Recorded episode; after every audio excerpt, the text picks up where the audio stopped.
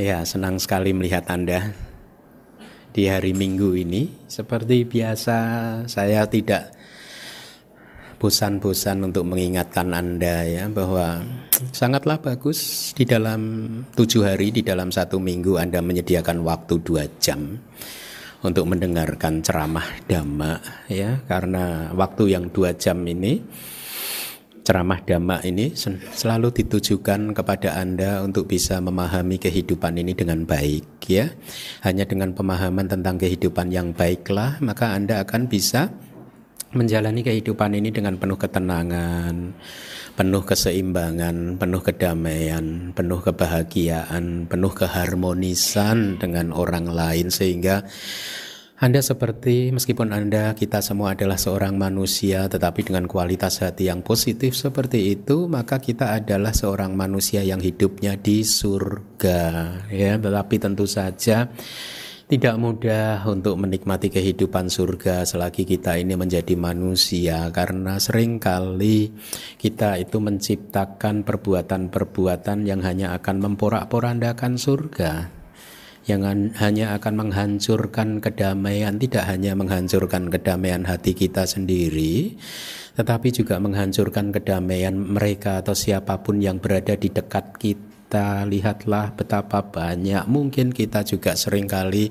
melakukan sesuatu yang tanpa kita sadari hanya akan membuat orang lain atau teman-teman terdekat atau orang-orang yang kita cintai ini menderita gara-gara ucapan kita, gara-gara perbuatan kita, gara-gara uh, perilaku-perilaku kita.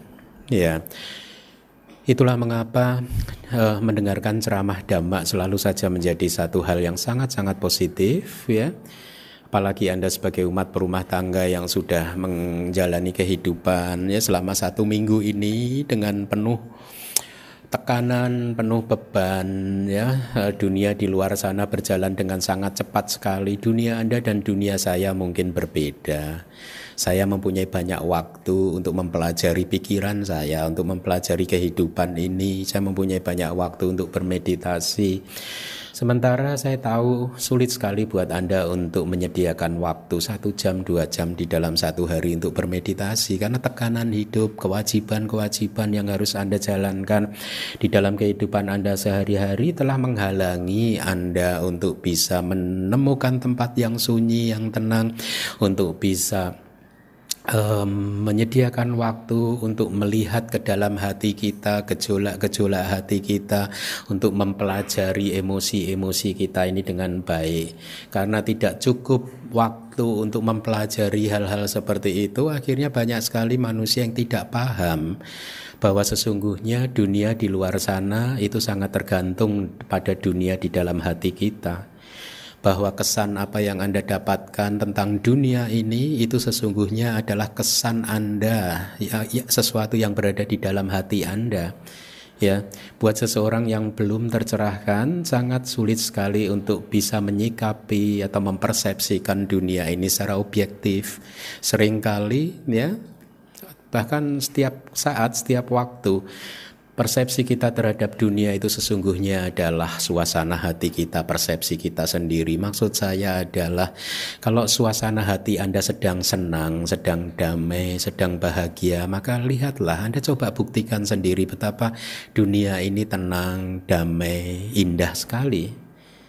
Tetapi sebaliknya pada saat hati Anda dicekam, dikuasai oleh emosi-emosi yang negatif, maka lihatlah dunia sekeliling Anda menjadi gelap gulita, ya hati yang penuh emosi, penuh kemarahan, kebencian, dendam akan membuat ke mana pun Anda melihat, ke mana apa pun yang Anda dengar itu semuanya adalah objek-objek yang tidak baik.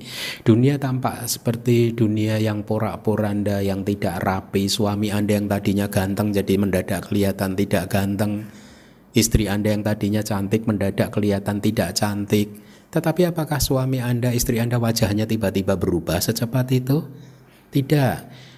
Penampakannya berubah karena suasana hati Anda berubah. Nah, inilah pahamilah, pahamilah dengan baik bagaimana cara pikiran Anda bekerja bahwa dunia di luar sana sesungguhnya adalah cerminan dari dunia di dalam hati Anda sendiri.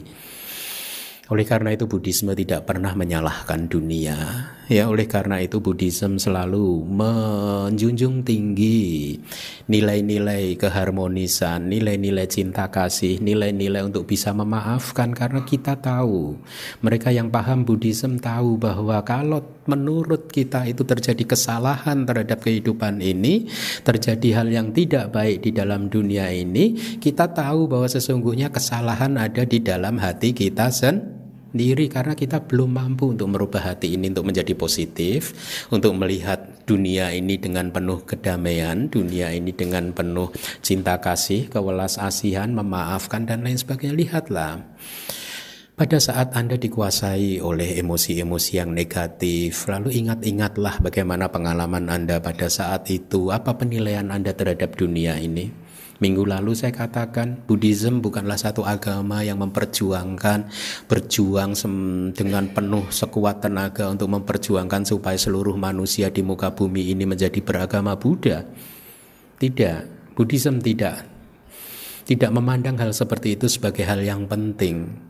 Buddhism hanya mengharapkan bahwa kita semua berbahagia, terlepas dari apa pun agama mereka, terlepas dari apa pun pilihan-pilihan mereka, karena kita sadar, kita tahu bahwa untuk menciptakan kedamaian, kebahagiaan hati tidak dengan cara membuat seluruh muka bumi ini, manusia yang hidup di atas muka bumi ini beragama Buddha. Karena meskipun seluruh manusia yang 7 miliar manusia yang ada di muka bumi ini beragama Buddha, maka pada saat itu kita akan mulai mencari-cari kesalahan lagi. Eh, Bante saya lo yang paling hebat. Bante kamu tidak hebat. DBS ini lebih hebat dari yang lain. Lihat, Anda mulai bertengkar dengan sesama yang beragama sama dengan Anda. Jadi mengharapkan ketenangan, kedamaian Anda baru akan tercapai pada saat semua manusia beragama Buddha itu adalah harapan yang sia-sia yang muncul dari pikiran yang delusional, berkhayal, jauh dari kebijaksanaan, jauh dari realitas, jauh dari fakta, ya. Karena ya selama hati anda tidak damai maka di mana pun anda berada anda juga tidak damai lihatlah hmm? meskipun anda saat ini dikelilingi oleh umat Buddha bukankah di antara anda juga bertengkar sendiri dengan sesama umat Buddha. Ini kan contoh kecil yang untuk menyadarkan Anda bahwa kalaupun dunia kecil ini dibesarkan kejadiannya juga sama bahkan menjadi makin besar lagi. Oleh karena itu mempunyai pemahaman yang tepat terhadap kehidupan ini penting sekali. Mempunyai pandangan yang benar terhadap kehidupan ini benar uh, penting sekali. Karena hanya itulah yang akan bisa membuat kita tenang damai bahagia harmonis. Tidak hanya harmonis terhadap diri kita sendiri, Artinya harmoni keharmonisan yang internal di mana apa yang kita pikirkan dan apa yang kita ucapkan adalah hal yang sama, apa yang kita pikirkan, ucapkan dan apa yang kita lakukan adalah hal yang sama. Itu itu tujuan dari berlatih Buddhism mencapai keharmonisan internal bahwa apa yang kita pikirkan sama dengan apa yang kita ucapkan dan sama juga dengan apa yang kita perbuat, kita lakukan, ya. Nah, kita semua menginginkan kebahagiaan oleh karena itu, karena kita menginginkan kebahagiaan, maka ucapan pun juga harus sesuatu yang mendukung e, terciptanya kebahagiaan tersebut. Perilaku perbuatan pun juga harus menjadi satu sesuatu yang mendukung terciptanya kebahagiaan tersebut, bukan sebaliknya. Ya, manusia yang belum tercerahkan adalah manusia yang penuh konflik. Tidak hanya konflik dengan orang lain, tetapi terlebih karena konflik dari orang lain sesungguhnya adalah ekses akibat dari konflik di dalam dirinya sendiri yang karena suasana hatinya, kapasitas hatinya itu terlalu kecil, akhirnya tidak mampu menampung konflik tersebut dan harus diluapkan, meluber keluar sehingga akhirnya dia menciptakan konflik dengan lingkungan sekitarnya. Ingat, kita harus mengembangkan rasa malu untuk berbuat jahat. Kalau Anda bertengkar, kembangkanlah rasa malu. Malu dong, hari gini masih bertengkar. Hmm? Hmm? Dengan mengembangkan rasa malu, dengan mengembangkan rasa takut untuk melakukan perbuatan jahat akan membuat kita terkendali. Nah, topik ceramah saya pada pagi hari ini adalah sesungguhnya ini ide untuk memberikan judul ini muncul secara tiba-tiba pada kemarin ya mungkin ya kemarin atau dua hari yang lalu saya lupa gitu ada pembicaraan tentang bahwa di Jakarta ini sekarang banjir ini banyak berkurang gitu gitu ya. Banyak sekali berkurang gitu. Pada saat umat pada bercerita karena saya kan tidak tahu apakah banjir di Jakarta ini berkurang atau tidak karena saya nggak suka jalan-jalan keluar sana kan ya. Jarang juga baca-baca koran begitu jadi tidak mengikuti perkembangan. Tetapi umat banyak bercerita bahwa di Jakarta sekarang uh, uh, banjir itu jauh berkurang dan mereka bercerita bahwa karena pemerintah yang sekarang, pemimpin yang sekarang itu melakukan apa yang disebut nur salah satunya dia katakan normalisasi sungai. Ya, normalisasi kali di Jakarta ini. Apa itu normalisasi? Ya pada prinsipnya normalisasi itu hanya menambah volume daya tampung atau kapasitas sungai untuk bisa mampu menampung air lebih banyak sehingga dia bisa mengalirkan air dengan lebih leluasa dan tidak harus air itu meluap keluar ya. Pada saat saya mendengar membaca informasi-informasi tersebut saya sempat tercenung sebentar eh berarti sesungguhnya untuk mengatasi banjir di Jakarta itu tidak berat ya? Bukan sesuatu yang sulit sebenarnya untuk diatasi karena ternyata hanya dengan melakukan normalisasi sungai saja itu banyak membantu gitu. Jadi apa itu normalisasi sungai? Tadi menambah kapasitas sungai dengan di apa itu? keruk ya. Dikeruk endapan-endapannya, sedimentasinya itu dikeruk sehingga sungainya menjadi lebih dalam lagi dengan demikian mampu menampung air yang lebih banyak lagi dan aliran sungai air aliran air sungai pun mengalir dengan lancar akhirnya banjir bisa dihindari ternyata masalah banjir bukanlah masalah yang yang luar biasa akhirnya. Bahwa dengan cara yang sederhana yang membuat saya kenapa baru saat ini banjir itu bisa diatasi gitu. Kenapa dari dulu-dulu cara yang sederhana ini tidak ditemukan? Puluhan tahun Jakarta ini kan direndam banjir kan setiap ini, setiap musim hujan ya. Baru kali ini usaha yang sederhana, saya pikir mengatasi banjir adalah dengan cara pindah ibu kota dari Jakarta ke Jonggol seperti isu di tahun 90-an dulu kan atau pindah uh, ibu kotanya dari Jakarta ke Makassar atau ke mana itu kan isunya begitu. Saya pikir tadinya oh karena Jakarta sudah sedemikian beratnya problemnya sudah sedemikian rumit dan kompleksnya sehingga tidak bisa diselesaikan tidak hanya banjir tetapi kemacetan dan lain sebagainya. Itulah mengapa salah satu solusi solusinya adalah memindahkan ibu kota keluar dari Jakarta. Tetapi pada saat saya mendengar bahwa sekarang banjir bisa diatasi seperti itu, seperti yang tadi saya katakan, ha, ternyata sangat mudah ya mengatasinya, bukan masalah yang berat gitu. Hanya dengan salah satu cara dengan melakukan normalisasi sungai, dengan mengeduk endapan-endapannya, dikeruk sedimentasinya seperti itu, akhirnya sungai mempunyai daya tampung yang lebih luas lagi, sungainya menjadi lebih dalam lagi, banjir bisa dihindari, sampah-sampah juga bisa disalurkan dengan baik, sehingga karena tidak ada banjir maka tidak ada makhluk yang menderita karena akibat dari banjir tersebut. Nah kemarin dua hari yang lalu saya berpikir ini topik yang bagus ini untuk ceramah ini. Karena sesungguhnya ini mencerminkan suasana hati kita. Kenapa kita masih sering sekali terjebak, terperangkap dalam emosi-emosi kita, ya? Atau bahkan sering meledakkan kemarahan-kemarahan kita, sering mengeluarkan nafsu-nafsu keinginan kita.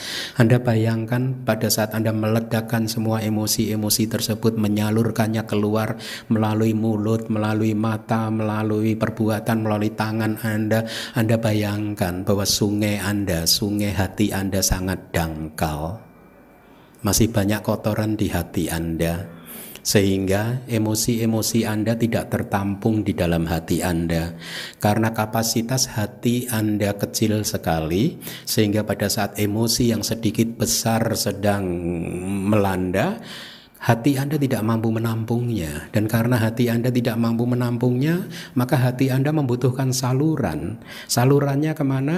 salurannya bisa lewat mulut Anda dengan mengucapkan kata-kata yang kasar dengan mengucapkan kebohongan-kebohongan dengan mengucapkan ketidakjujuran dengan bergunjing dengan memfitnah, menghasut dan lain sebagainya atau dengan mata Anda yang melotot ya atau dengan tangan Anda yang tiba-tiba melakukan gerakan untuk menyakiti objek uh, yang menjadi uh, menyebabkan kemarahan Anda muncul pada saat situasi hati Anda sedang seperti itu Anda harus ingat bahwa telah terjadi banjir di Jakarta ini huh?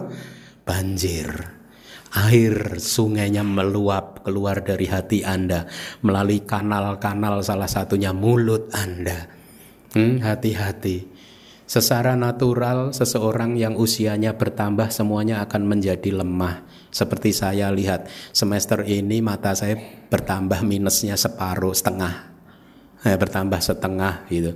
Eh, telinga saya juga sudah mulai melemah. Tapi orang-orang tertentu ada loh, usianya bertambah tua, tapi ada yang bukannya melemah tapi malah makin kuat. Apanya? Mulutnya. Itu itulah mengapa kakek-kakek, nenek-nenek itu biasa mulutnya itu masih kuat-kuat gitu. Nah, tentu saja kita yang mengenal Dharma, berlatih Dharma, kita harus menjadi makin tenang, seimbang, stabil. Nah, kembali lagi, normalisasi sungai adalah mengeruk dasar sungai sehingga menjadi lebih dalam lagi. Dengan demikian kapasitas sungai menjadi bertambah untuk mampu menampung air yang lebih banyak. Dan inilah topik ceramah normalisasi sungai saya adopsi menjadi judul ceramah saya yaitu apa? Normalisasi hati. Jangan dianggap ini fikinisasi. Normalisasi hati. Kita membuat hati kita menjadi normal kembali, tidak banyak endapan ya. Kita buat hati kita ini menjadi sedalam samudra yang yang kedalamannya sudah tidak bisa diukur lagi sehingga mampu menampung air-air sampah-sampah emosi kita. Dengan demikian karena hanya hati yang dangkal saja yang akan menyebabkan banjir meluber keluar. Sampah-sampah di dalam hati kita kita luberkan keluar. Sehingga membuat Sesungguhnya tidak hanya kita saja yang menderita tetapi teman sekeliling kita yang menerima kiriman banjir dari kita pun akan menderita. Seperti halnya mereka yang tinggal di di apa dekat-dekat sungai. Pada saat sungai tersebut meluapkan air banjirnya maka mereka juga menderita karena banjir tersebut. Hati-hati, contoh ini sama persis dengan bagaimana emosi-emosi kita yang tidak terkendali. Sama persis. Oleh karena itu kita perlu melakukan apa yang dilakukan oleh pemerintah DKI sekarang yaitu normalisasi hati. Apa itu normalisasi hati? Lihatlah Betapa hati kita ini sering sekali dicekam oleh emosi-emosi yang negatif. Buddhism mengajarkan kepada kita ada tiga akar dari emosi-emosi yang negatif itu. Dari tiga akar inilah maka semua jenis emosi yang negatif itu tumbuh subur, muncul, berkembang. Tiga akar tersebut adalah yang pertama keserakahan atau nafsu-nafsu keinginan kita. Yang kedua adalah kemarahan atau kebencian. Yang ketiga adalah moha, delusi atau kebodohan. Mari kita lihat pada saat keserakahan sedang menguasai hati kita. Air keserakahan sedang mengalir di sungai hati kita. Pada saat itu apa yang terjadi sesungguhnya? Yang ses terjadi sesungguhnya adalah bahwa karena hati Anda dangkal, kenapa hati Anda dangkal? Karena tanpa Anda sadari ada persepsi yang salah terhadap dunia ini, ya.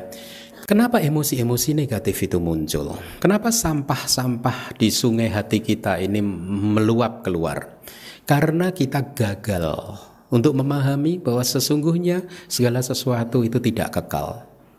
Ya, kenapa kita gagal untuk memahami bahwa segala sesuatu itu tidak kekal?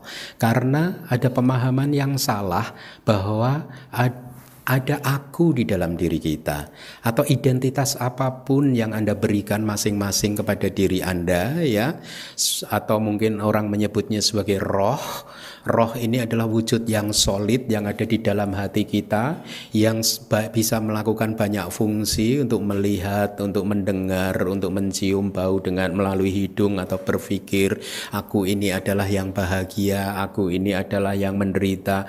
Ya intinya aku ini adalah wujud yang tidak berubah Ibaratnya ya, wujud yang tidak berubah yang mengendalikan semua proses yang menjadi sumber dari segala sesuatunya itu seperti kalau Anda menanam biji mangga Anda tanam biji mangga kemudian dia tumbuh kan menjadi besar akhirnya berbuah mangga.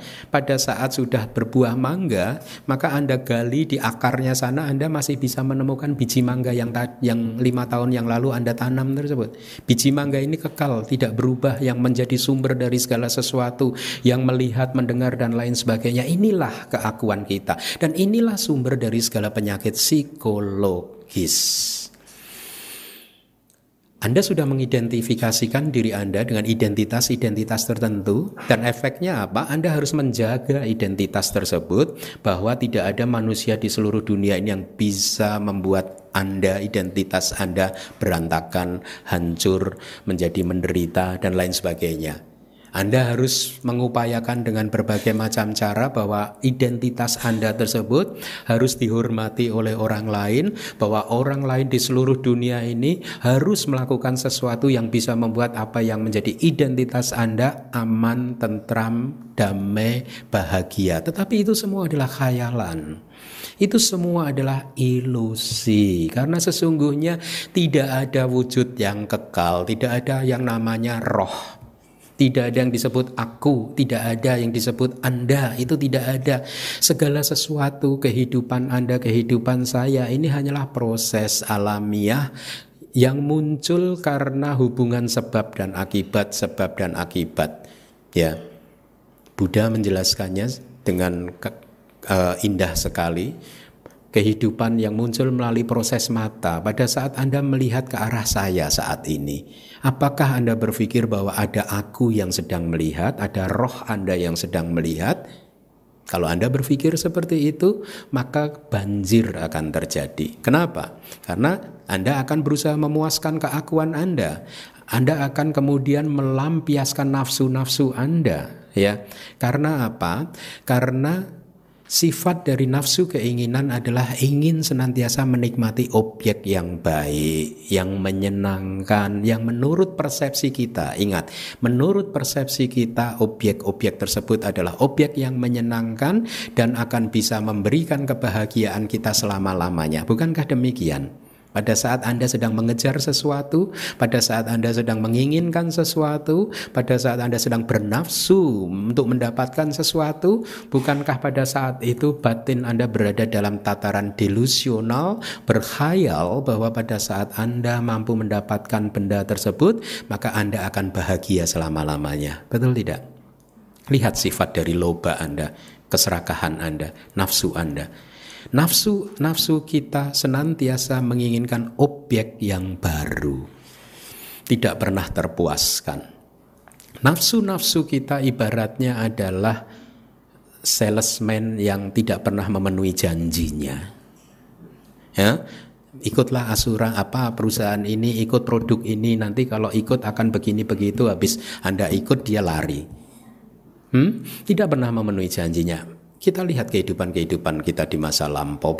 Bagaimana nafsu-nafsu kita, keinginan-keinginan kita telah membodohi kita sendiri. Ya, sesungguhnya tidak ada kita juga, tetapi untuk semata-mata untuk memudahkan komunikasi maka saya menggunakan kata kita atau saya atau Anda dan lain sebagainya. Tetapi sesungguhnya anda harus ingat sifat dari nafsu adalah senantiasa menginginkan sesuatu yang menurut persepsi Anda itu adalah sesuatu yang menyenangkan dan bisa memberikan kebahagiaan pada Anda selama-lamanya.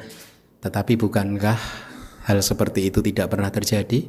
Hmm? Lihat dari kecil sampai hari ini, berapa banyak keinginan kita telah terpenuhi. Banyak sekali kan? Ada satu dari keinginan Anda yang terpenuhi itu yang memenuhi janjinya, membuat Anda setelah terpenuhi terus bahagia selama-lamanya? Tidak, penderitaan mulai lagi, keinginan Anda mulai lagi. Nah, ini adalah sifat dari salah satu akar kejahatan tadi yang disebut keserakahan atau nafsu-nafsu keinginan. Akar kejahatan yang kedua itu cirinya berkebalikan yaitu yang disebut dosa, kebencian, ya. Pada saat kebencian ini mengalir di sungai hati kita, apabila sungai hati kita ini kapasitasnya kecil, belum dilakukan normalisasi sungai, normalisasi hati, maka kebencian itu akan mengalir keluar banjir memenuhi lingkungan sekitarnya, mengalir keluar lewat mulut Anda, lewat mata Anda yang melotot dan lain sebagainya. Sifat dari kebencian adalah karena Anda menganggap bahwa objek saat ini yang sedang Anda lihat atau Anda perhatikan atau Anda dengar menurut sekali lagi menurut persepsi Anda adalah objek yang tidak baik yang akan menghancurkan kebahagiaan Anda, menghancurkan kedamaian Anda yang akan akan memporak-porandakan rencana-rencana Anda, tetapi ingat itu hanya persepsi Anda. Persepsi kita sering salah. Ya, karena sesungguhnya hal dunia tidak seperti itu ya seperti yang tadi di awal saya katakan kalau Anda penuh curiga dengan dunia ini maka hati-hati bukan dunia ini yang hendak menerkam Anda tetapi kecurigaan itu semata-mata hanyalah cerminan dari kualitas hati Anda cerminan dari suasana hati Anda ya dunia di luar sana fine-fine saja, netral-netral saja. Yang membuat dunia ini berwarna adalah hati kita. Ya. Jadi dengan perumpamaan yang lebih jelas, kalau dunia ini tampak merah, ke mana pun Anda memandang, hati-hati. Itu semua terjadi karena kacamata lensa Anda berwarna merah, bukan dunianya yang berwarna merah.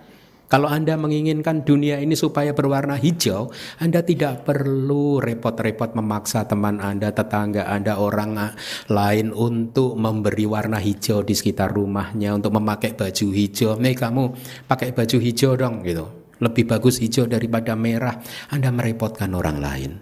Kalau Anda menginginkan dunia ini semua berwarna hijau, Anda tinggal ke optik.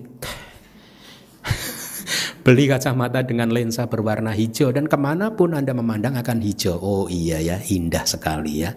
Dengan demikian Anda membebaskan teman-teman Anda dari penderitaan yang enggak-enggak yang Anda timpakan kepada mereka. Nah, itu adalah akar kejahatan yang kedua tadi, kebencian. Akar kejahatan yang ketiga adalah delusi, khayalan-khayalan kita menganggap bahwa ada kebahagiaan yang kekal, menganggap bahwa kalau saya sudah lulus sarjana saya akan bahagia selama-lamanya, berpikir bahwa oh setelah Anda menikah nanti Anda akan bahagia selama-lamanya. Itu kesalahan terbesar di dalam kehidupan manusia itu. Kenapa Anda tidak pernah mau belajar dari orang tua Anda, kakek nenek Anda, tetangga Anda yang sudah menikah? Dulu sebelum Anda menikah, kenapa Anda nggak melakukan survei pasar? Kalau udah sampai di sini saya seneng. Bukan, saya tidak anti pernikahan. Saya hanya ingin meluruskan pandangan-pandangan Anda. Jangan Jangan menuntut, memberikan tuntutan terlalu berlebihan dalam rumah tangga Anda supaya Anda bisa mendapatkan kehidupan yang aman, damai, tentram saling menghormati dan Anda bisa membangun surga di dalam rumah tangga Anda. Rumah tangga menjadi neraka ingat karena sungai Anda dangkal. Ya, kalau sungai Anda dangkal, maka emosi-emosinya tidak bisa Anda tampung di dalam hati Anda. Oleh karena itu hati ini harus diperdalam lagi, sedimentasinya harus dikeruk. Caranya bagaimana? Salah satunya dengan memahami kehidupan ini dengan baik. Nah, delusi, khayalan-khayalan kita telah mengelabui kita, ya.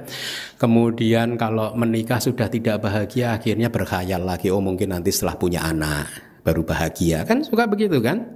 Tidak, kebahagiaan tidak berada di luar sana atau kebahagiaan tidak berada jauh di depan sana. Kebahagiaan ada di sini. Harus kita harus mengembangkan satu kapasitas hati untuk bisa mampu menikmati kehidupan yang saat ini tidak pernah menempatkan tujuan jauh ke depan bahwa saya akan bahagia setelah ini terpenuhi, setelah itu terpenuhi, setelah yang lain semuanya ini ikut dengan petunjuk-petunjuk saya, patuh dengan saya, tidak. Kebahagiaan di saat ini tidak ada di depan sana. Kalau Anda masih berkhayal bahwa Anda akan bahagia setelah punya anak, Anda harus melakukan survei pasar mereka yang sudah punya anak ini loh. Berapa yang bahagia? Hah? Berapa persen? Kalau perlu ini mumpung lembaga survei lagi marak di Jakarta, minta lembaga survei untuk melakukan survei pasar itu berapa banyak mereka yang punya anak yang bahagia gitu. nanti kalau punya anak sudah tidak bahagia Anda berkayal lagi. Oh, mungkin nanti setelah menikah saya akan bahagia. Eh, setelah apa? anak eh, anak-anak semua menikah. bukan menikah lagi. itu pun juga khayalan dan khayalan terbesar di dalam kehidupan manusia di dalam peradaban manusia adalah berkhayal saya akan bahagia setelah mati nanti masuk surga. No. Kalau Anda menderita di dalam kehidupan dunia kali ini, maka kehidupan berikutnya pasti penderitaan. Surga besok itu adalah efek dari perbuatan Anda saat ini. Kalau di kehidupan saat ini menderita, banyak menyebabkan banjir, ya meluapkan sampah-sampah di sungai hati Anda keluar sehingga tetangga Anda harus menerimanya dengan penuh kekecewaan, kesedihan, penderitaan. Bagaimana mungkin Anda mengharapkan kehidupan surga setelah ini? Surga adalah tempat buat mereka yang hatinya baik. Surga adalah tempat buat mereka yang mempunyai sungai hati yang sudah dinormalisasi, sudah tidak dangkal lagi. Nah, berhayal yang seperti itu, delusi, moha itu berlawanan dengan kebijaksanaan. Kebijaksanaan untuk memahami kehidupan ini dengan baik. Berapa banyak Anda terjebak pada kesan yang ada di dunia ini? Ingat bahwa sekali lagi, ya. Uh, dunia ini tampak seperti apa pun ya. Itu semua lebih karena nafsu-nafsu kita lah yang membuat dunia itu tampak seperti apa yang kita lihat gitu. Jadi jangan pernah terjebak pada dunia ini tetapi lihatlah apa yang ada di balik dunia ini. Nah, inilah proses untuk membuat sungai hati Anda menjadi makin dalam lagi dengan cara untuk melihat apa sih sesungguhnya yang ada di balik dunia ini. Apakah dunia ini seperti yang tampak seperti ini? Apakah Anda, suami Anda, istri Anda itu adalah makhluk yang seperti itu yang Anda lihat, Anda pikirkan dan lain sebagainya? Atau sesungguhnya ada sesuatu yang dibalik ini semua yang selama ini belum kelihatan. Dan itulah dharma untuk menemukan apa makna di balik semuanya ini, di balik dunia ini ada apa, di balik yang disebut makhluk ini ada apa, di balik dari kehidupan ini sesungguhnya ada apa, bukan apa yang tampak. Kalau Anda terjebak pada apa yang tampak, maka Anda akan harus bersiap-siap untuk menderita. Ya, karena apa yang tampak tidak mencerminkan kebijaksanaan, apa yang tampak tidak mencerminkan pengetahuan yang tepat terhadap kehidupan, seperti cerita ini pada suatu hari. Ada seorang uh, uh, bapak-bapak yang masih muda, kebetulan ini ceritanya terjadi menjelang Lebaran, ya uh, di mana biasanya kalau lebaran itu kan uh, asisten rumah tangga Anda pada mudik kan dan khusus di keluarga bapak ini ah, si asisten rumah tangga si pembantunya itu uh, mudik dan menyampaikan dia tidak akan kembali lagi. Nah oleh karena itu dia agak kelabakan nih kalau nggak ada pembantu bagaimana gitu. Dan makanya pada suatu hari dia masuk ke untuk mencari pembantu, dia mas, e, pergi masuk ke dalam satu kantor dan begitu di masuk di kantor dia ketemu dengan resepsionisnya, dia langsung berkata, "Pak, Bu, e, kebetulan yang menyambut dia di resepsionis adalah seorang uh, perempuan masih muda dengan dandanan yang rapi, necis ya. Dia berkata, "Cik, saya butuh pembantu yang umur 20 tahun, ada nggak?" Si wanita tersebut menjawab, tidak ada pak. Hah? 20 tahun nggak ada? 30 tahun dah? Ada nggak? Nggak ada juga pak. Nggak ada lagi. Ya udah yang 40 tahun nggak apa-apa lah, tua dikit nggak apa-apa. Saya butuh juga. Si perempuan tadi udah mulai terganggu gitu. Pak, di sini ini bukan kantor pembantu gitu. Ini bank pak. Gitu. Terus si bapaknya nggak mau kalah. Kalau ini bank, kenapa tadi di luar ditulis besar-besar kantor cabang pembantu?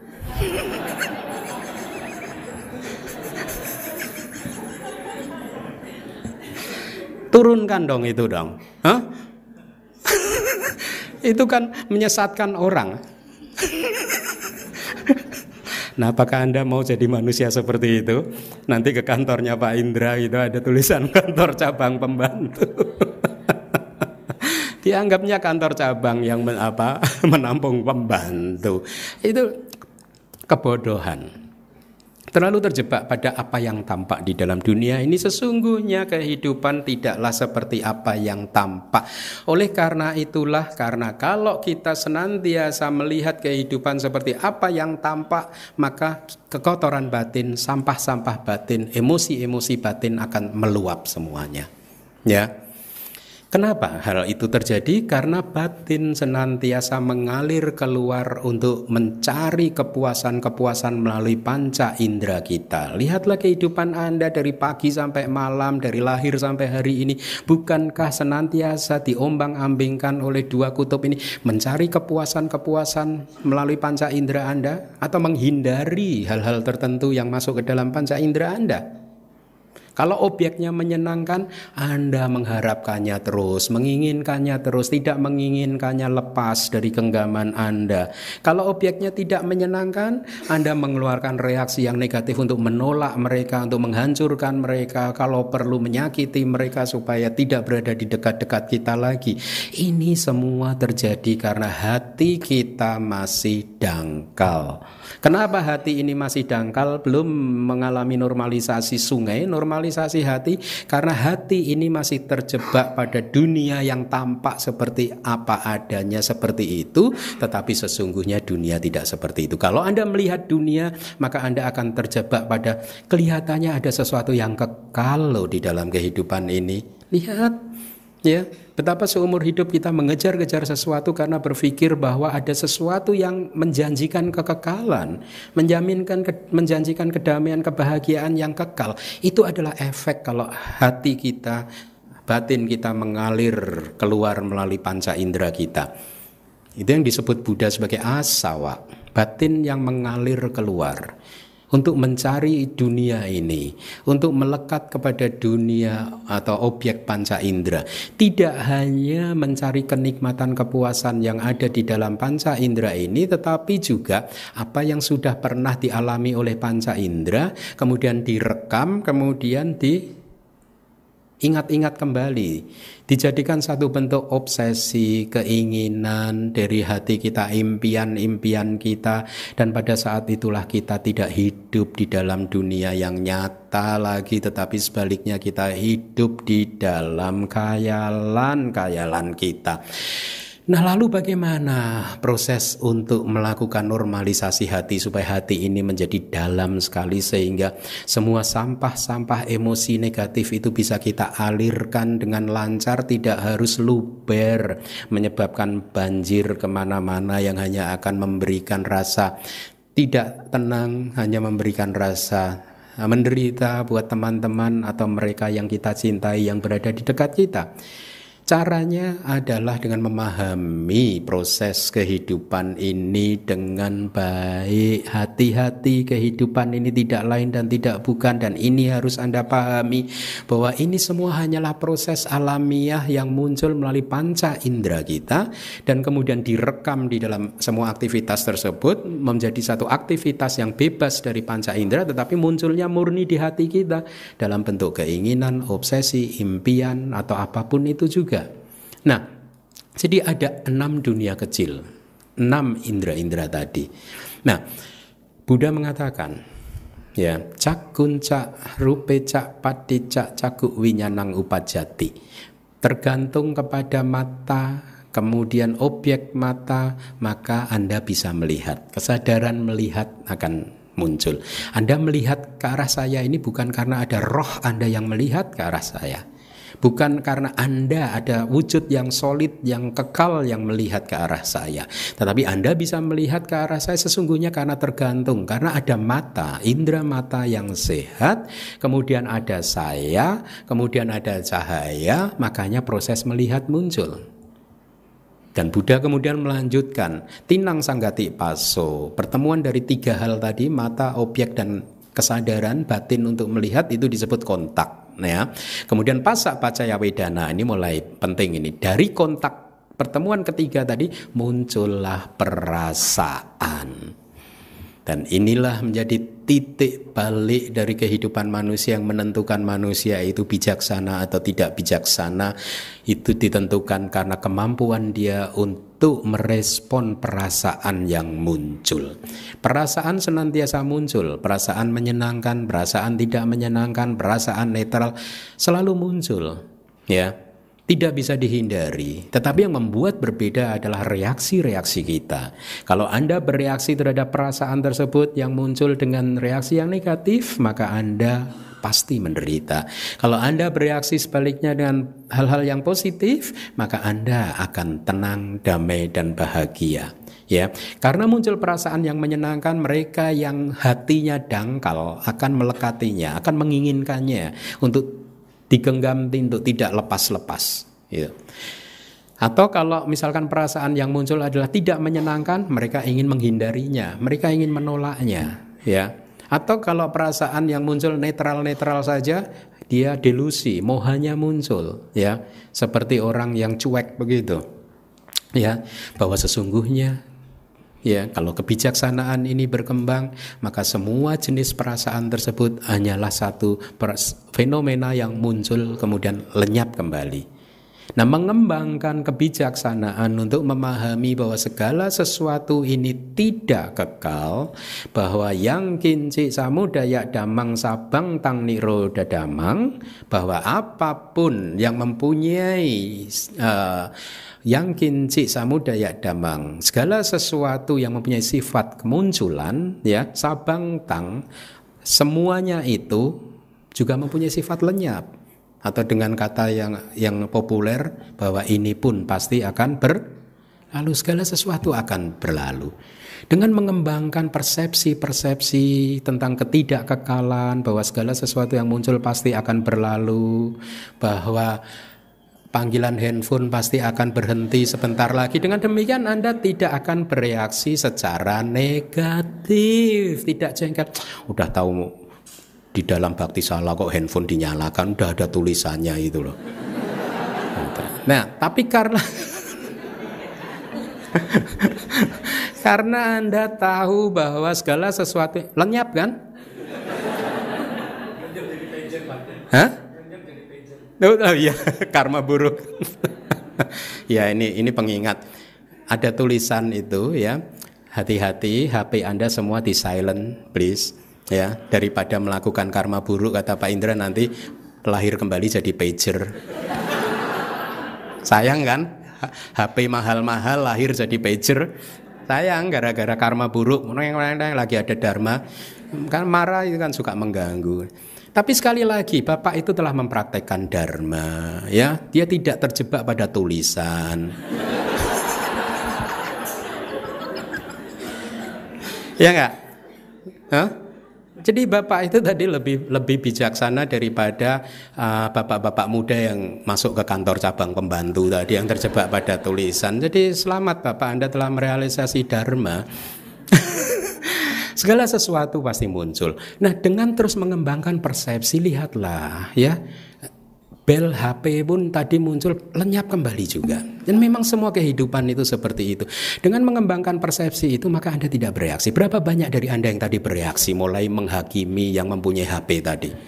Nah, berapa banyak? Kenapa? Karena Anda tidak sadar bahwa segala sesuatu yang muncul itu pasti akan lenyap kembali. Lihatlah efek yang luar biasa. Dengan persepsi yang kuat Anda tetap tenang, seimbang. Meskipun bel lintang ding dang ding sana kanan kiri Anda tetap tenang. Muncul lenyap. Muncul lenyap. ya dengan demikian Anda tidak bereaksi dengan demikian Anda melakukan normalisasi hati karena apa? Emosi-emosi yang muncul Anda salurkan kembali Anda lenyapkan seperti es yang mencair karena terkena sinar matahari. Tidak sempat meluber keluar melalui mulut. Nah inilah dharma inilah yang harus kita latih. Tetapi bagaimana Bante? Kayaknya sulit. Setiap kali saya marah saya tidak punya waktu untuk berpikir udah luber dulu. Nah itu karena sampahnya udah banyak, sungainya kedalamannya hanya satu mili. Jadi begitu ada emosi langsung luber, ya. nah, yang kinci samudaya damang sabang tang niroda damang, ya bahasa kerennya itu ini pun apa? Pasti berlalu ya, ya. This too will pass. Ya. Dengan terus mengembangkan persepsi bahwa segala sesuatu yang mempunyai awal pasti mempunyai akhir, maka apa yang terjadi? Sampah-sampah hati Anda bisa menguap tidak harus keluar, tidak harus membuat banjir lagi. Dengan membiarkan sampah-sampah emosi itu menguap seperti es yang membeku, begitu terkena sinar matahari dia mencair dan itulah emosi kita sesungguhnya. Kalau Anda benar-benar bisa memperhatikan emosi-emosi yang sedang muncul di dalam hati Anda, lihatlah bahwa mereka itu semua hanyalah sesuatu yang muncul sesaat kemudian mencair lagi muncul sesaat mencair lagi, muncul sesaat mencair lagi. Tidak ada yang salah buat Anda yang sudah menjadi umat Buddha selama 30 tahun, 40 tahun. Bante saya sudah jadi umat Buddha selama 30 tahun kok masih emosian ya? Hmm? Buddha tidak pernah melarang yang Buddha ajarkan adalah pahamilah emosi-emosi itu dengan baik. Kebenaran mulia yang pertama itu mengajarkan pada kita bahwa kita harus memahami segala sesuatu itu dengan baik. Caranya bagaimana? Dengan mengamati dengan penuh perhatian. Itulah yang disebut sati, mindfulness perhatian yang penuh artinya perhatian yang penuh perhatian yang 100% bukan perhatian yang 90% bukan perhatian yang 98% atau 99 eh, ya atau berapa persen. Harus 100% artinya 100% apa? Perhatian Anda menempel dengan objek dengan semua proses dari emosi-emosi Anda anda perhatian Anda bersama-sama beserta dengan emosi yang muncul berproses menguat melemah lenyap muncul berproses menguat melemah dan lenyap. Dengan demikian maka tidak akan ada banjir. Dan dengan demikian efeknya adalah pada saat hati Anda sudah mulai bisa mengalirkan sampah-sampah emosi negatif, tidak harus menyebabkan banjir ke mana-mana, ternyata ada efek yang sangat luar biasa yaitu apa? Kualitas batin yang positif mulai perlahan-lahan tumbuh dan berkembang. Kualitas batin yang penuh cinta kasih mulai perlahan-lahan tumbuh dan berkembang. Kenapa? Karena dengan mengamati suasana hati kita, kita paham dengan diri kita sendiri bahwa saya adalah makhluk yang menginginkan kebahagiaan. Saya adalah manusia yang menginginkan, tidak menginginkan adanya penderitaan. Dan kemudian kebijaksanaan Anda mulai berkembang seperti halnya saya yang menginginkan kebahagiaan, maka demikian pula lah orang lain. Mereka juga menginginkan hal yang sama seperti yang saya inginkan. Mereka juga tidak menginginkan sesuatu yang sama seperti yang saya juga tidak menginginkannya. Nah, dengan demikian meta karuna mulai muncul cinta kasih yang hanya mengharapkan manusia lain um, bisa mendapatkan kebahagiaan yang mendukung makhluk lain untuk bisa mempertahankan kebahagiaan akan berkembang. Kewelas kasihan yang tidak menginginkan manusia lain untuk menderita mulai berkembang. Nah, dengan munculnya kualitas-kualitas positif seperti itu, maka hati kita menjadi dalam sekali, tidak dangkal lagi. Kita menjadi pribadi yang tidak emosional. Kita menjadi pribadi yang sabar. Kita menjadi pribadi yang baik hatinya karena hati kita sudah mengalami normalisasi hati hati sudah tidak dangkal lagi. Nah, saya ulangi lagi proses psikologis. Pada saat perasaan muncul, kalau kita tidak memperhatikan dengan baik, maka perasaan yang muncul apa pun itu juga kalau menyenangkan akan memunculkan nafsu kita. Sebaliknya kalau tidak menyenangkan akan memunculkan kemarahan kita.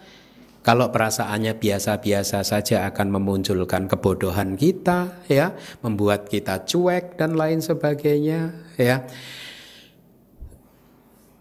Terus kalimat Buddha seperti ini, yang wedetik tang sanjanati, apa yang Anda rasakan tadi, ya, itulah yang Anda pahami. Kalau perasaan menyenangkan muncul dan Anda menginginkannya, maka Anda mulai memberikan tanda, mulai memberikan makna pada benda tersebut bahwa ini adalah benda yang baik. Ya. Kalau perasaan yang tidak menyenangkan muncul, maka Anda memberi tanda bahwa ini adalah benda yang tidak baik. Sehingga hati Anda akan mulai terumbang-ambing lagi antara baik dan buruk. Kalau baik Anda lekati, kalau buruk Anda hancurkan. Lihat, baik itu melekati atau menghancurkan adalah kedua-duanya akan memunculkan penderitaan. Mereka yang bermeditasi akan paham bahwa emosi negatif apa pun itu juga meskipun itu nafsu-nafsu keinginan untuk menikmati kepuasan-kepuasan indrawi, mereka semua hanyalah penderitaan karena membuat badan kita bergetar, membuat batin kita bergetar, membuat dunia apa di dalam hati kita ini menjadi hancur, porak-poranda. Ya. Jadi reaksi-reaksi negatif akan memunculkan uh, penderitaan. Oleh karena itu, normalisasi hati yang pertama adalah tadi dengan mencoba untuk tidak mengizinkan batin itu keluar, tetapi melihat ke dalam kita. Pada saat ada suara HP berbunyi, lihatlah, jangan Anda dengarkan suara suara HP tadi. Tetapi sebaliknya Anda arahkan perhatian Anda ke dalam gejolak di dalam hati Anda. Ada apa di dalam hati Anda? Apakah Anda mulai berpersepsi? Mulai menghakimi suara-suara tersebut karena Buddha kemudian mengajarkan yang wedetik tang sanjanati, apa yang Anda rasakan tadi itulah yang Anda pahami. Ini semua tidak objektif. Ya. Uh, uh, yang yang sanjanati tang witaketi. Apa yang Anda pahami tadi sebagai baik atau buruk itu akan Anda pikirkan secara berulang-ulang. Anda akan pikirkan terus sehingga menjadi obsesi ya. Kalau baik saya ingin mendapatkannya lagi, kalau buruk saya akan meng menghindarinya. Dan apa yang kita pikirkan akan membuat kita ini berkembang biak secara spiritual, secara batin maksud saya. Papanca, perkembang biakan batin, yaitu perkembangan biakan batin yang menginginkan segala sesuatu itu menjadi bahwa uh, menjaga segala sesuatu yang menjadi milikku ya atau bahwa ini adalah aku, ini adalah diriku. Jadi terjebak lagi pada keakuan kita. Nah, dengan memahami proses bahwa segala sesuatu yang muncul itu pasti lenyap kembali, maka Anda mulai tidak terbiasa lagi untuk mengalirkan batin itu keluar untuk menjemput dunia, tetapi sebaliknya Anda arahkan ke dalam.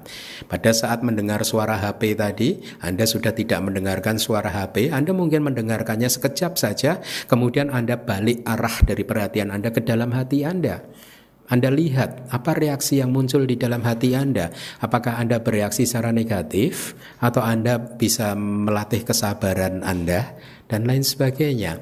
Dengan mengarahkan perhatian ke dalam gejolak hati Anda, maka lihatlah sungai emosi, sampah-sampah emosi itu mengalir dan kemudian dia lenyap kembali sehingga tidak terjadi banjir.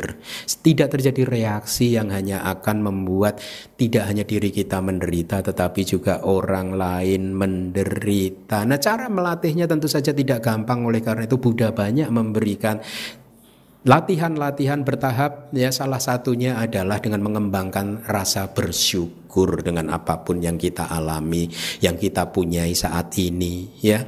Bersyukurlah dengan apa yang sudah Anda punya. Jangan pernah melihat ke kiri dan ke kanan dan menginginkan diri Anda menjadi manusia yang berbeda dari Anda saat ini karena untuk bisa menjadi bahagia Anda tidak harus menjadi manusia yang berbeda. Seringkali manusia karena tidak tahu, Anda senantiasa membandingkan diri Anda dengan orang lain dan kemudian Anda ingin menjadi orang lain karena Anda dikelabui oleh khayalan-khayalan Anda. Pada saat Anda bisa menjadi orang lain, maka Anda akan bahagia. Padahal kunci kebahagiaan bukan seperti itu. Kunci kebahagiaan bukan pada saat Anda bisa menjadi Anda yang berbeda dengan Anda saat ini, tapi kunci kebahagiaan adalah pada saat Anda bisa bersyukur bersyukur dengan apa yang sudah Anda punyai saat ini. Syukurilah.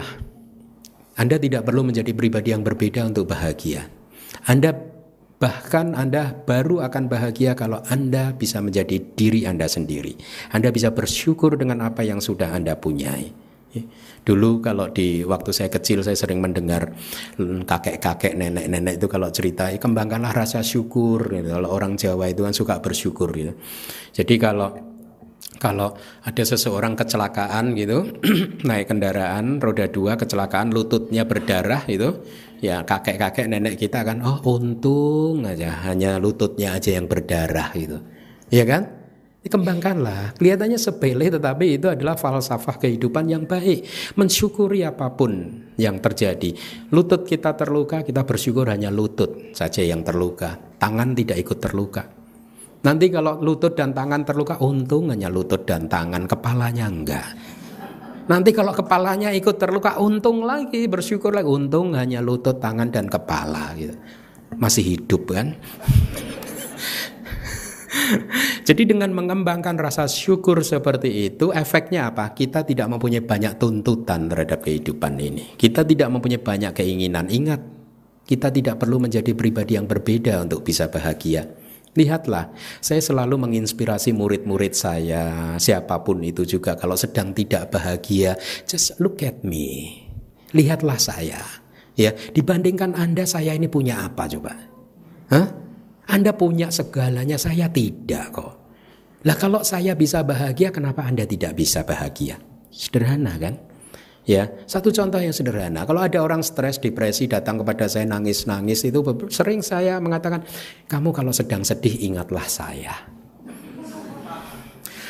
Bukannya meminta sebut nama saya tiga kali, bukan, bukan, bukan klenik seperti itu, bukan. Tetapi saya mengharapkan kamu ingatlah kepada saya. Lihatlah, saya ini kan manusia yang patut dikasihani. Anda Anda boleh pergi ke bioskop, saya nggak boleh. Enggak. Anda boleh nonton konser musik, saya nggak boleh. Kenapa Anda nggak kasihan nama saya? Anda boleh memilih makanan Anda, ah, saya tidak boleh memilih makan. Ya, ini makanan saya apa di lantai dua saya nggak tahu nanti apa aja yang ada di depan saya makan. Patut kan dikasihani kan? Ya, anda boleh berduaan dengan lawan jenis Anda, saya nggak boleh. Aduh. Saya juga heran kenapa mau juga gitu.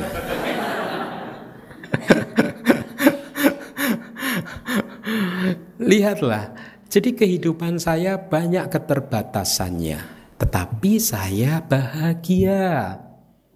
Jadi artinya apa? Pesan ini apa? Pesan ini maknanya adalah Anda mempunyai banyak sumber-sumber untuk bahagia, melebihi saya. Jadi bangunlah cara pikir yang benar supaya Anda bisa bahagia, ya. Bahwa ternyata kebahagiaan itu baru muncul setelah Anda mampu bersyukur dengan apa yang Anda punyai, ya. Jangan pernah memimpikan ingin menjadi orang lain. Dulu saya juga seperti itu waktu muda. Aduh, kenapa sih saya pendek itu?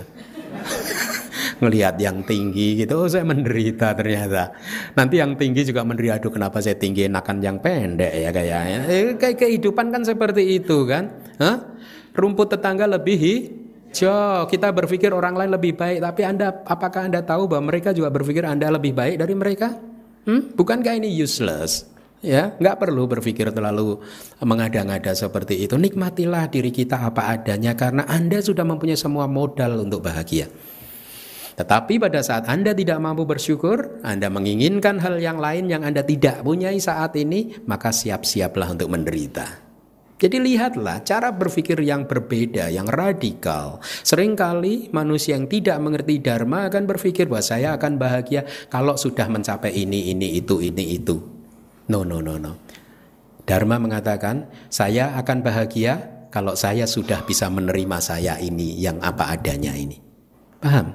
Terimalah diri Anda apa adanya, gitu. ya. Ya pada akhirnya kan salahkanlah karma Anda kalau Anda merasa tidak puas. nah, dengan mengembangkan rasa syukur, maka hati kita menjadi lebih dalam lagi. Sudah tidak mulai ada konflik lagi karena kita bisa menerima kita apa adanya. Ya, kemudian setelah kita mengembangkan rasa syukur, kemudian tadi persepsi tentang ketidakkekalan. Kalau bahasa kerennya di bahasa Pali adalah yoniso manasikara. Yoniso itu artinya yoniso itu artinya kandungan, kandungan seorang ibu itu. Ya, kalau anda melahirkan anak, ya kandungan anda itu yoniso. Ya, kemudian manasi kara dua kata manasi dan kara. Kara itu perbuatan.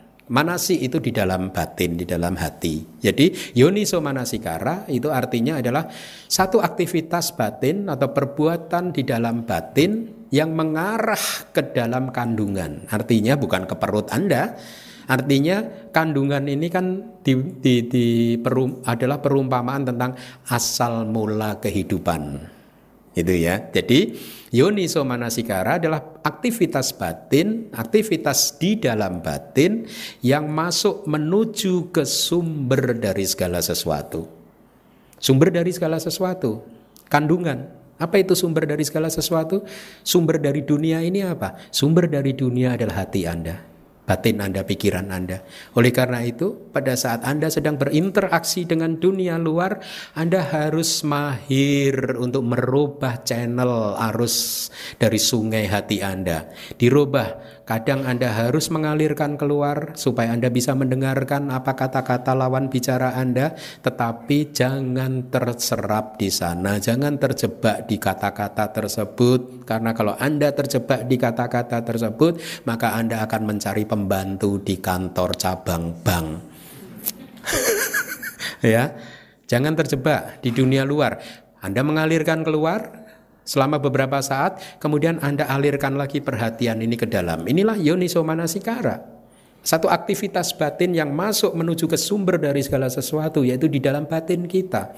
Efeknya apa? Kalau Anda terlatih seperti itu untuk mengamati gejolak arus sungai di dalam hati Anda, maka ada persepsi yang mulai menguat, yaitu anicca. Segala sesuatu yang muncul pasti akan lenyap kembali.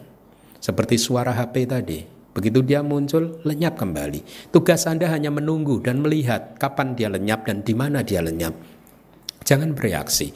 Dengan terus-menerus mengembangkan yoniso manasikara, ya, mengalirkan perhatian Anda itu ke dalam hati Anda untuk mengamati gejolak air sungai di dalam sungai hati Anda, maka Anda akan bisa mengalirkan semua emosi itu eh, tanpa harus meluapkannya keluar ya.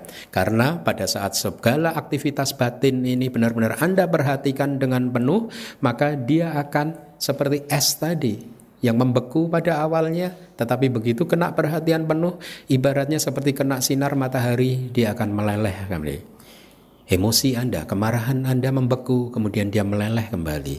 Kebencian Anda membeku, kemudian secepat kilat dia meleleh kembali. Ya, dendam Anda membeku, secepat kilat dia melemah kembali. Nafsu keinginan Anda membeku, Anda perhatikan dia melemah kembali.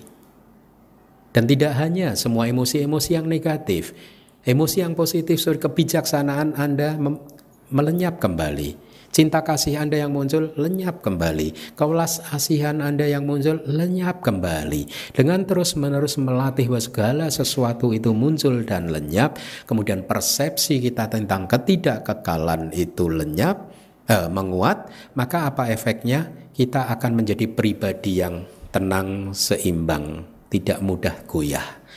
Meskipun di samping kanan kiri depan belakang suara HP berbunyi bersaut-sautan Anda tidak bereaksi. Anda si apa mengamati suatu gejolak hati Anda yang muncul lenyap, muncul lenyap.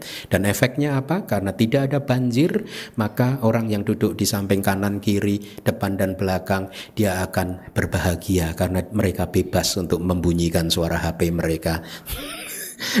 ya apa pun mereka akan bahagia. Anda mendukung kebahagiaan mereka. Kalau mereka menginginkan seperti itu, Anda dukung. Anda tidak menyalahkan mereka. Ya, sebaliknya Anda akan mengembangkan sikap batin yang positif.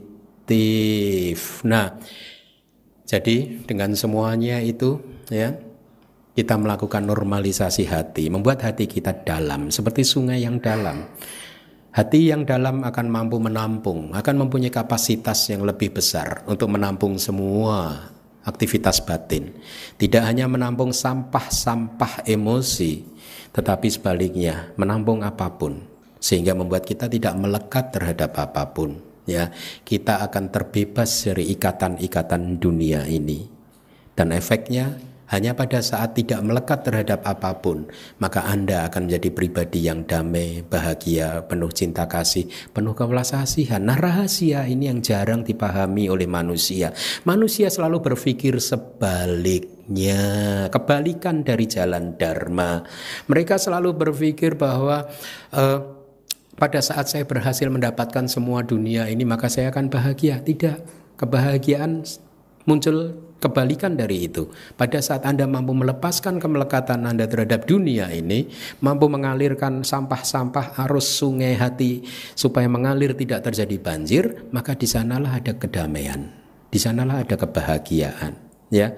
Seperti yang tadi, sering kali kita berpikir secara keliru, terbalik dari apa yang seharusnya. Ya, pada saat Anda berpikir saya akan bahagia kalau saya menjadi orang lain. No, no, no, no. Kebahagiaan baru bahkan akan muncul pada saat saya akan bahagia pada saat saya mampu menerima saya apa adanya. Kembangkanlah persepsi seperti itu.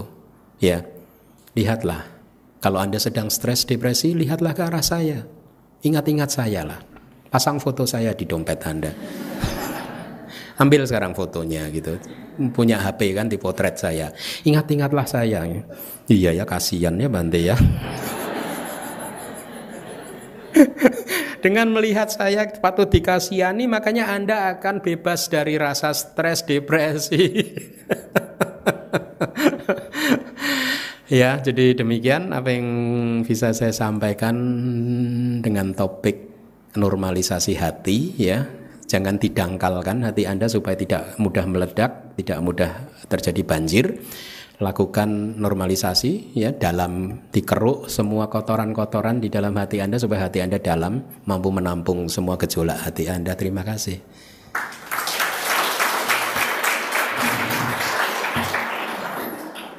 Terima kasih,